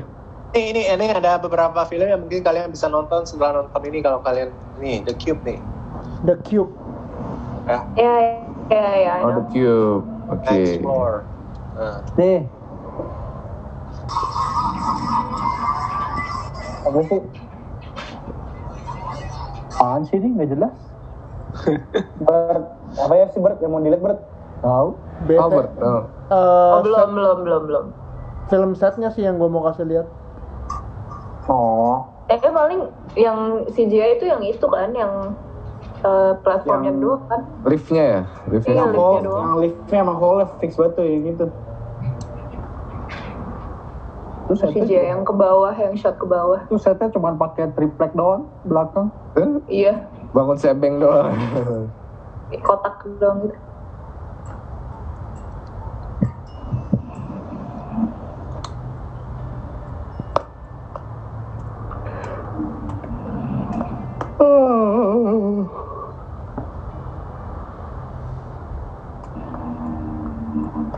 Itu lantainya nggak lantainya nggak bolong ya, lantainya. Udah di marking. Itu itu ditarik kan? Itu ditarik nanti ke atas kan? Gue nggak tahu deh itu pakai apa kalau naik turunnya. Jadi itu yang gue pengen bahas sebenarnya setnya itu dia bangun set nggak cuman CGI doang itu. Ya, yang CGI Wah, makanya itu- yang shot ke bawah doang sama yang naik turun iya. doang kan. Jadi sebenarnya mereka bikin Itu semuanya. menarik sih. Ya although mungkin nggak tiga nggak tiga lantai lah, cuman terus itu em, yang lumayan menurut gue yang yang yang menariknya itu awalnya kita digambarin itu kayak siang-siang gitu kan kalau kalian notice tapi makin lama makin ke sini cahayanya makin bukan warna kuning gitu jadi kayak makin pale gitu makin terakhir. Jadi Eh, menurut gua ada ada ada perubahan ada perubahan juga gitu. Awalnya waktu sini yang buka mata pertama kali itu yang pengenalannya si goreng sama terima kasih itu warnanya tungsten kan cahayanya. Iya, betul. tapi makin terakhir makin belakangan jadi pale warnanya waktu dia ketemu anaknya segala macam bahkan sampai terakhirnya jadi hitam semua kan waktu Saturasinya. yang last shotnya itu Mhm. dan menurut gue yang bikin sebenarnya yang, yang tadi Mr. Lee bilang sih gue gue gue setuju yang eh, film yang eh, sinematografi yang bagus adalah sinematografi yang nggak kelihatan cuma menurut gue eh, ini punya si- nilai sinematografi yang bagus sehingga tidak kelihatan gitu loh instead of dia berusaha untuk show oh gue bisa gini gue bisa gitu tapi dia lebih memilih untuk gue complement the film gitu untuk bikin film ini complete gitu dan menurut gue last shotnya itu sih yang winning winning shot menurut gue yang waktu turun ke bawah terus cahayanya sampai Wah, sampai gitu re- kayak ray of light gitu kan Hmm. sampai bawah itu keren Tapi- banget sih. kenapa malamnya lebih monokromatik ya? Lebih merah gitu warnanya. Sebenarnya dia mau nyampein apa, apa sekedar ya danger gitu karena setiap malam dia di rolling. Iya itu sih yang gue nangkep. Yang gue tangkap gitu kenapa warna merah? Karena danger. Karena kita nggak akan tahu besok kita mau ke lantai berapa. Dan besok nggak tahu gitu roommate gue bakal bunuh gue atau enggak ya nggak sih? Kalau di lantai-lantai bawah. Gue sih nangkapnya gitu.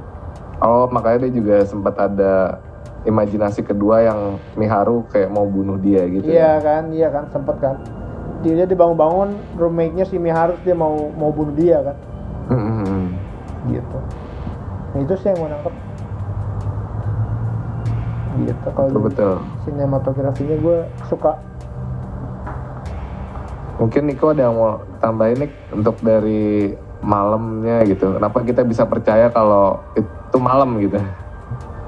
Terus kenapa warnanya merah?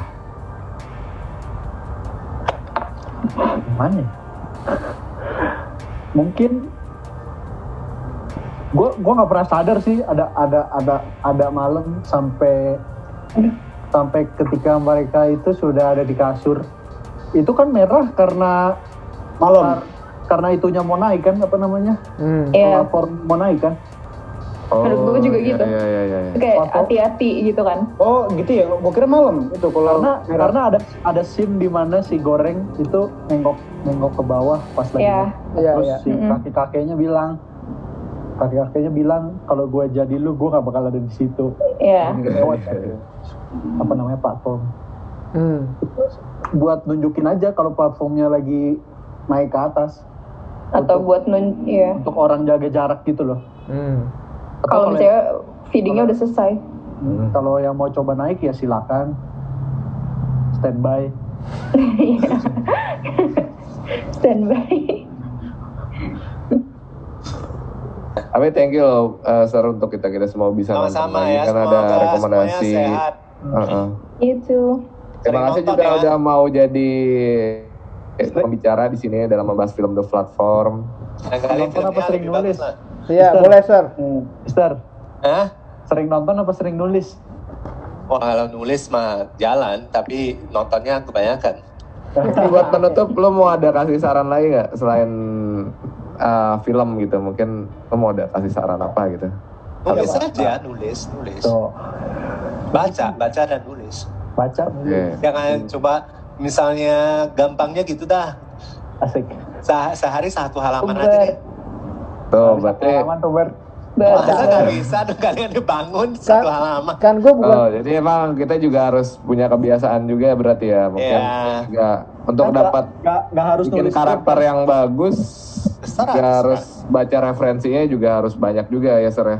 Berarti. Ya, baca, baca itu penting. Terutama yang mau nulis ya, kalau nggak baca nggak bisa sih. Mm-mm. tuh Nick, Karena dengerin nih, jadi- dengerin nih. Jangan Karakter kita lebih kaya juga kan ketika kita buat naskah nantinya gitu. Ya, Begitu dan- sinematografi punya referensi-referensi yang bagus gitu. Benar. Dan Kayak referensi bisa paling nge-build bagus, karakter. referensi paling bagus datangnya dari kenangan kamu, no? betul Betul dari apa yang di sekitar kita juga sebenarnya. Iya, betul. Oke, terima Ya. kasih teman-teman. Hey, Udah mau datang ke Ya. diskusi Mimal. Sampai bertemu di sesi selanjutnya.